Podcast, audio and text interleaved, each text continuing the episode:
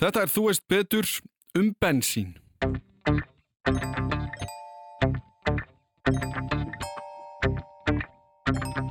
Bensín, það sem heitir á einsku gasolín eins og það kemur á kunni út úr ólínsastöðinni en náttúrulega ekki, það er ekki hægt að setja það beint á, á bíla. Í Níkarju, sennilega svo ólíða sem er svona þægilegast að vinna, hún er kölluð Bonnie, Bonnie Sweet, en Sweet þýðir einfallega að er mjög látt brennistins inn í í henni. Sko helsti vakstar brotturinn í, hjá þessum ólíufélum er ekki í elstendisölu því að hún hefur ekkert vaksið neitt uh, svo ára skiptir, þú sér þetta eru bara orðnar orðin eins og einhverjar hérna klukkubúður þessar benstuðar þar Ég veit ekki hver samt um það en flugfélug borga enga skatta elstandi, bara null þau borga, þú veist, ef það verður skattur á elstandi þá færðu þau öll á hausinn Við dælum því á bílan okkar, flugvélar, sláttuvélar og fleira. Já, oft á ári, stundum oft í viku. En hver græðir á því? Hvaðan kemur það? Hvernig er það unnið? Og hverjir eru stærstir? Ég fekk Þórð Gunnarsson til mín, master í viðskiptafræði með áherslu og orkumál til að útskýra þetta allt fyrir mér. En fyrst smá kynning á honum.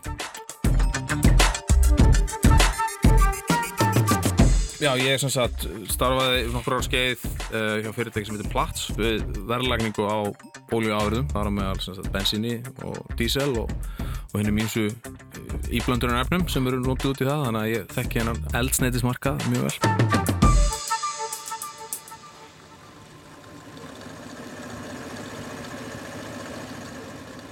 Bensín er náttúrulega unnið úr ráolíu og ráolíu er unnin við þeim heim uh, en, en það bensín sem kemur til Íslands er að langmæstu leiti keift af norska ríkisólufélaginu Statoil sem vinnur sína ráolíu fyrst og fremst úr Norðursjó sem er hérna á milli Norraks og Breitlands og vinna tölvöld mikið af ráolíu í norsku lögsögunni, fara svo með hana sigla svo með hana í land og, og, og vinna úr henni, eins og vörur, þar á meðal bensín Mm. En við löpum aðeins í gegnum það ferli. Uh, þetta fer í óljúrhinsi stöðar mm sem maður heyrir um, en hvað gerist inn í þannig stöðum? það eru ímiskonar ferli sem að, og, og pró, ímsi prósessa sem að ráolían fer í gegnum en í gróðundáttum er hún hitu upp og, og, og aðskilin og þegar hún er hitu upp þá fyrst gufar upp gufar upp einsar gastjóðundir eins og til dæmis bútan sem að við notum sem við nota á gaskilin sín á eftir því koma, koma ymsar ymsir léttari vökvar sem eru notaðir meðalans í framleyslu á, á plasti og öðru slíku. Og eftir því kemur bensín eða það sem heitir einsku gasolín sem er svona með, með léttari, léttari samyndum í þessari blöndu. Og eftir bensíninu kemur dísel svo kem, koma ymsir þingri ólíu sem eru notaðar á, á til dæmis skip Mm. í, í skipaelsneti og, og annað slíkt En þetta bensín, eða það sem heitir á einsku gasolín, eins og það kemur á kunni út úr ólínsastöðinni, er náttúrulega ekki, það er ekki hægt að setja það beint á, á bíla. Þú verður að blanda út í, út í það einsum, einsum öðrum efnum uh, til, að, til að ná ákveðnum eiginleikum sem að lög og reglegjur er hveð áum. Mm. Til dæmis súrefnisinni til að stuðla reytni brunna. Þú þarft að ná ákveðum morgum oktunum, þú sér það á bensinstöðum að bensin er 95, 95 oktana bensin sem við notum hérna. Og ímislegt annað sem að lög, lög hveð áum til þess að já, þetta eru mengunarstaðlar og líka bara til að stuðla skilverkari bruna og, og bílaframlendur í dag þegar þú sér það á bensinlokkunni það stendur, þú mátt bara setja 95 oktana bensina því að annars að það er ef að oktan ef það eru færri oktun í bensininu þá getur það valdið skemmtum á velinni til dæmis. Uh, og þessi 95, þú ert með 95 og 98, er það ekki það algengasta sem þú sérð, eða hvað? Er, er 98 alveg hægt? Eða? Já, það er ekki mikið um 98 ennþá. Það ég held að sé nú bara aðalega því það, það aðlúta því að það er bara dýrara að framlega það. Mm. Meina, eins og segi, oktan eins og kem, bensin eins og kemur út úr ólísinstöðunni er eitthvað stærri kringum 80 oktan og, og það þarf að bæta út í hinnum einsum efnum til að ná því upp og þegar þú- farin að tala um 98 þá er það einfallega dýrar þannig að ég held að bílaframlendur sem einfallega hættir að óska eftir því að- óska eftir því að nota 98 oktana bensín Mm. Og það kemur út úr ólífsinstöðunum í, í mismunandi formi, mm -hmm. uh, en ef við tökum bara bensínið sjálft sem kemur til okkar, af því mér langar aftur til að fara við munin sko á vetur og sumri og hvernig við blöndum ólífuna. ef við tölum bara um bensín sérstaklega, Já, sagt, það er talað um, ég ætla að sletta en það er talað um sumar spekk og vetrar spekk, það er að segja bensíni sem er notað hérna á norðurkvæli jarðar, víðast hvar, allavega allstæðar í Európu og víðast hvar í bandaríkjunum, þarf að vera, þarf að vera búið yfir ákveðnum eiginleikum. Á sumurinn er heitara, það er bara heitara í lofti. Það þarf að blanda ákveðnum efnum út, út, í, út í bensinnið til að ná niður gufuþrýstingum, þannig að elstindið fari ekki að gufa upp í tanknum á bílnum. mm. Og þessi efni sem þarf að blanda út í bensinnið á sumurinn eru einfallega dýrara en efnin sem hægt er að nota á veituna. Mm. Þannig að bensín er almennt séð, allavega á norðurkvæli jarðar, dýrara á sumrin heldur en veitunda, bæða því að við þurfum að nota dýrari íblöndunar efni og það er meiri eftirspurn af því að fólk keirir bara meira á sumrin það fyrir frí og sérstaklega á meðlöndunum mm. franska fjölskyldu sem keira til Þýskalands eða eitthvað, ég meina þau gera það ekki á veitunda Nei. bara sem dæmi Ætti maður þá að fara fyrsta annan januar í miklum kulda og frosti og fylla heila tunnu af bensinni út á stöð mm. og eiga út árið nei þá ertu komið vandamálið því að vetrabensinið ef þú ert að nota það á sumrin þetta er kannski ekki vandamál á Íslandi Mm. en ef þú nota vetrabensinið á sumrin þá getur þú skemmt vélinn í bílnum af því að er efni. eiginleikar vetrabensinsins eru aðeins aðrir menn þetta er sennilega ekki vandamál á Íslandi líklegast ekki, Mm. en eins og þú veist, ykkur staðar í Suðu Hraklanda sem eru 40. hitti þá myndi þetta ekki ganga af því að bensinni færi einfallega guð upp í tankinum sem náttúrulega getur bara valdið skemmtum á Mm. vélinni Er einhver munur á hráolíu sem Já, við tökum upp? hún er, hún, er ekkit, hún er ekkit eins eh, til dæmis ólíjan í Norðursjó er allt öðruvísi heldur en ólíjan sem finnst sem sát, sátandur eru með og ólíjan sem að Venezuela er með er, er allt öðruvísi þetta til dæmis eins og í Venezuela er þetta nú eiginlega hún, ólíjan er ekki fljótandi þetta er bara svona einhver tjöru drulla sem þarf að blanda einhverju öðru út í einhverju meira þunnfljótandi vökva bara svo að sé hægt að dælinni annars, annars rennur hún bara ekki í, gegnum pípuna hún er líka mjög mikill brennistinn í henni Mm. þannig að þó að Venezuela sé það land í heiminum sem að mestar ólíubyrðir er miklu meira vesen að vinnana heldur en til dæmis ólíuna sem, sem er í Sáti Arabíu sem er bara svona, hún er að vísu svolítið súr, það er að segja hátt brennstins innihald en hún er hérna mjög mjög seifljótandi, það er talað um að ólíja sé, sé annars annars, annars, annars vegar súr eða sætt eins og í Níkarju, sennilega svo ólíja sem er svona þægilegast að vinna, hún er kölluð Bonnie, Bonnie Sweet Mm. en sweet þýðir einfallega að það er mjög látt brennistins inn í henni og þú þarft alltaf að taka hann úr sko, Mm. brennistinin þannig að því minni brennistinn því, því betra sko Mm. að þú þarft að, það þarf að vinna hann að minna áður og setur hann inn í, inn í ólursinstöðuna Erum við öll að nota hérna á Íslandi saman bensinni? Já, ég meina bensín sem er nota hér og í Breitlandi og Norri og Fraklandi og hvar sem er, þetta nú allt voðalega svipa og allt skilur þetta fettur allt undir, undir sömu reglur uh, langstærstu hluti af því bensíni sem kemur til Íslands er keftur, kemur, gerir að fyrir frá Norri, það sem að Statoil er langstærsti langstærsti byrgirinn hér á landi. Að en, en hins vegar er það þannig að að Ísland er náttúrulega lítið land og bensínótkun hér hefur já, staðið í stað og, og náttúrulega dreigið saman bara á síðustu 10-15 árum. Um, þannig að og, og, og geimslu getur hérna heima. Við erum með þessa tankastöðnir í Örfyrirsegi en það er nú ekki, ekkert svo mikið pláss þar þannig að við getum bara keift þetta í litlum skömmtum. Og það er ekki allar ólýrhensi stöðar tilbúinur að afgreða minna en kannski ja, 50 til 250 tonn í einu með, meðan á Íslandi erum við að kaupa tölvöld minna en 50 tonn í einu Mm. þannig að það eitt og sér gerir bensín á Íslandi náttúrulega aðeins dýrara af því að það er náttúrulega dýrara að kaupa minni í einu menn það gildir, gildir, gildir um flestar, flestar vörur Já. Ef við förum aðeins í bara, ég ef ekki að segja hver græðir mest á bensininu, mm -hmm. hvernig er þetta sundurliða? Því að maður sér alveg verðin um eitt út í heimi eða Mhm. og hugsa hvernig óskupunum er þetta svona miklu ódýrara þarna en hér? Og maður hugsa ok, við erum að eigu, allt í lagi við kannski kaupum í minnisköndum, en hvernig er þessi skipting? Bensín gengur kaupum og sölum yfirleitt í Rotterdam. Eða það eru þrjár hafnir í hérna, þrjár hafnir í Európu þar sem að sem að eru notaði til viðmjönar, það er Antwerp í Belgiu, það er Amsterdam í Hollandi og það er Rotterdam í Hollandi. Þessir þrý staðir eru, veist, þar, þar gengur bensín kaupum og sölum svona í, í svona stórum stíl, það er að segja þegar við erum að tala um 20.000 eða 100.000 tonna Mm. í einu og það er vel, þar er það rauninni verðlagt sko eh, dollarar á hvert tonn og hvað, hvað kostar bensinni þegar það situr hérna í ólískipinu bara fyrir áður en, áður en því er dælt í tankana við örfyrir seg Mm.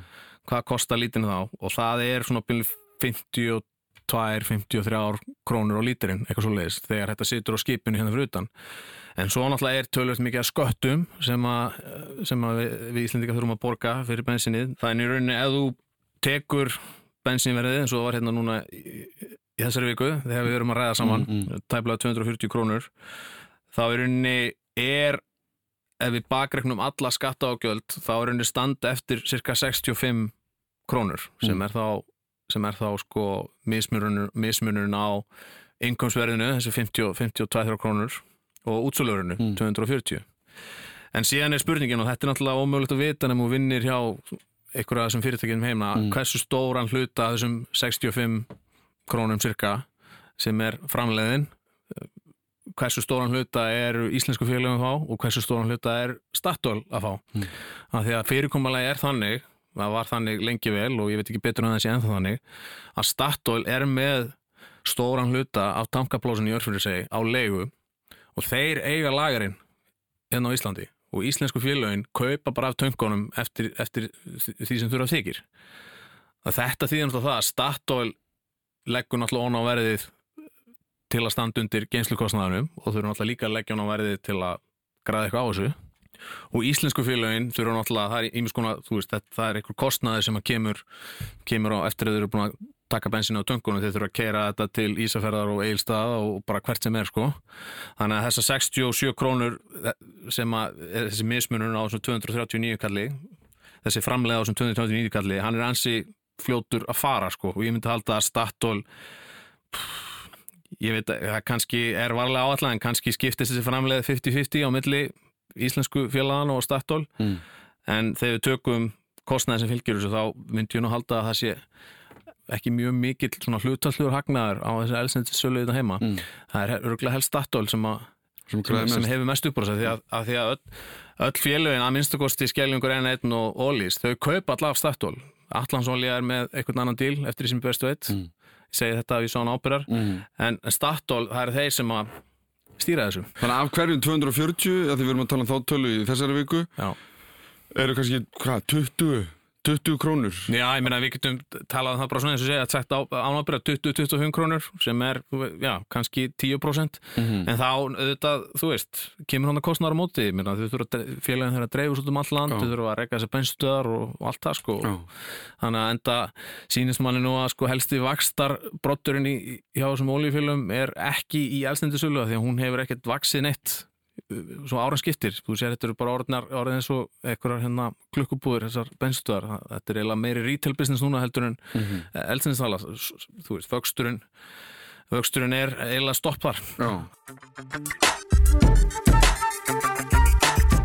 Já, við höfum rætt hvaðan bensinni kemur, hvernig það er unnið, hverjir græð á því, en mér lág forveitna á að vita, af hverju er það alltaf, já, reiknað í dólarum? Þetta er, þetta er nefnilega stór spurning. Ég menna ríki eins og Kína og Rússland og, og Venezuela.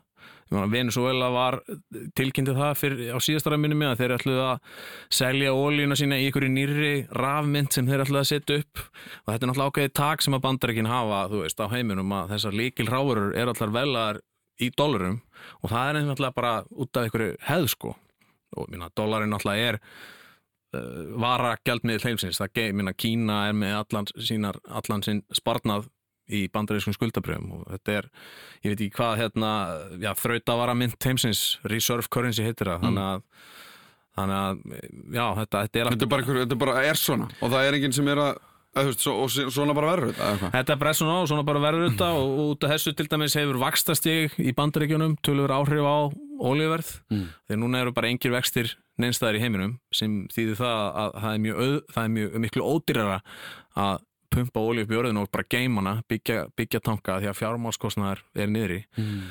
þannig að hækkandi vextir í, í, á bandaríkjadal hafa bein áhrif á ólíuverð af því að, að, því að kostnarum við að geima ólíu er meiri. Meina, eftir, eftir hrunið og ólíuverði þannig 2014 þá söpnuðust upp byrður um allan heima því að það var allt á fullu, það var að koma svo mikið og, hérna, upp úr jörðinni, Mm. út um allan heim.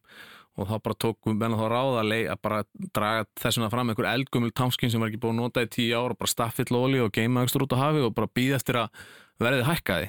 Og þegar nógu margir gera það þá bara sjá minn ok, það eru bara skriljón tonn hérna út á sjó. Ég meina við eigum bara nóg hérna í svolítið tíma. Mhm. það er bara ok, bara offrambóðu gangi en þessi stappið er búin að vinnast smátt og smátt niður og svo, og svo þarf svo lítið að gerast það því að þú veist, auðvitað stýra lögmál frambóðs og eftirspurnar þróun og olíuverði svona til lengri tíma.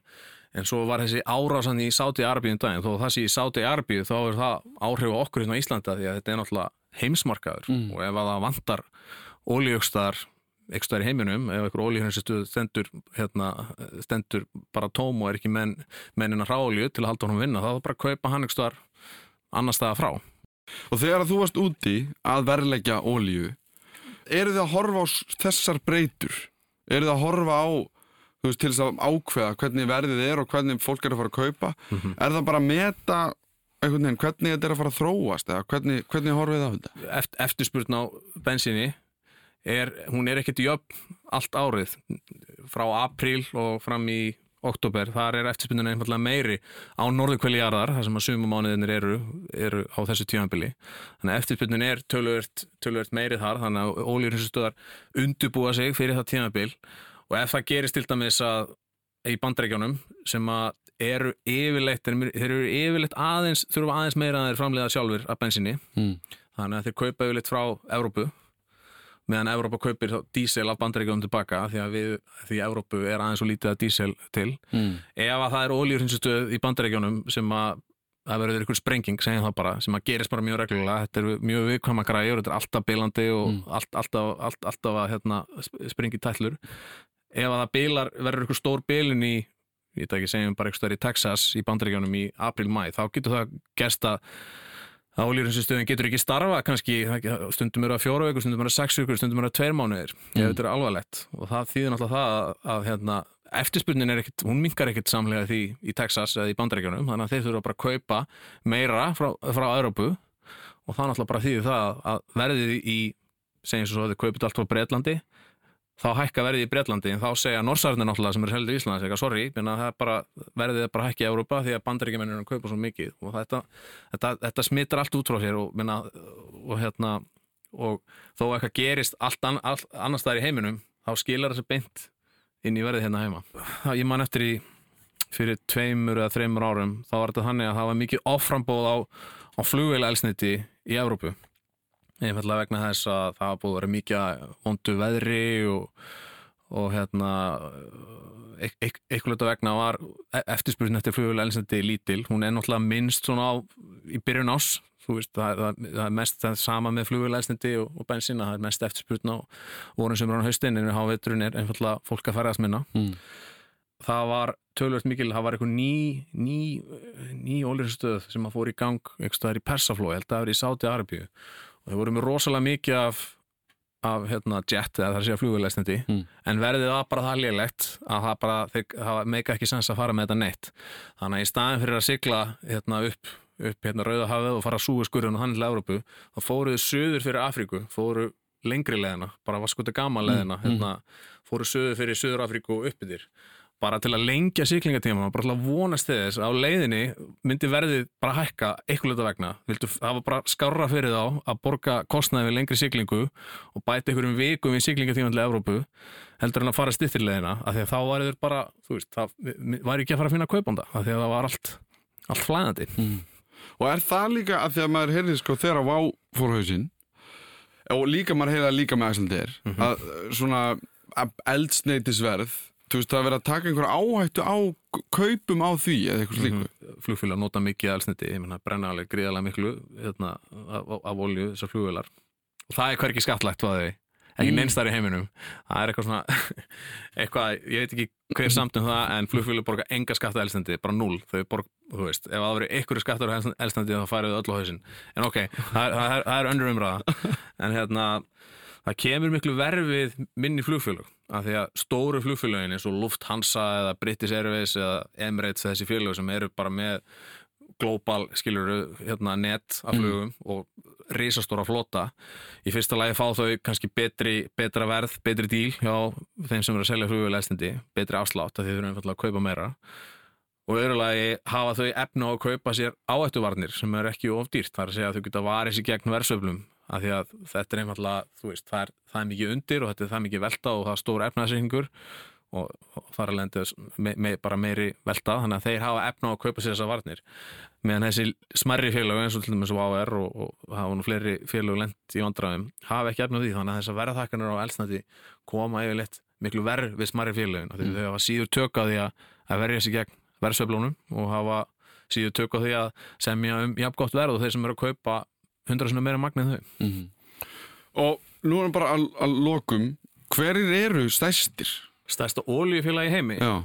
það eru sátanir sko. það er sáti Sáti Aramco, mm. ég minna það náttúrulega þú horfður bara á hvaða löndur stærstu framlegendur heimi það er að vísu bandaregin er orðin stærsti framlegendi heimi aftur í fyrsta skipti eftir marga áratugi. Mm. en það er ekkert eitt svona hjútsar. Jújú, þetta er Exxon Mobil stórt, það eru fleiri ég meina, svo eru Shell er reysa stórt það er nú vísu skráð í Európu BP er reysa stórt Um, British Petroleum já, já. já, það heitum BP í dag. Það heitir bara BP já, Svo er Chevron Chevron hann í bandaríkjunum líka ég er nörgulega að gleyma ykkur um, jú það eru nokkur mjög stór, band, mjög, mjög, mjög stór fyrirtæki í bandaríkjónum en stærstu einstaklega framlegandin eru veist, þessi ríkis þessi félag sem eru eigur ríkisins í Sátt-Arabíu sem mm. er sátt í Aramco sem framlegir sem er bara með nokkur prósent af bara nótkunnunni sem er rosalegt mm. Sátt-Arabíu framlegir eitthvað kringum 10 miljónir tunna á dag Sátt Aramco með stærstan hlut af því og svo er hérna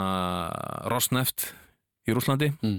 og, no, það eru nokkur og Gazprom í Rúslandi sem eru endur aðal í gassi en það eru framlega slatta af, af ólíu líka. Mm -hmm. og svo eru, eru kínversk félög sem eru í eigu ríkisins. Kínver er ekki mingi á ólíu sjálfur en þeir eru naskir að ná sér í leifi út um, út um allan heim. Þá veitum við allt um bensín. Við þökkum Þórði Gunnarsinni kærlega fyrir. Þú veist betur, kemur aftur eftir viku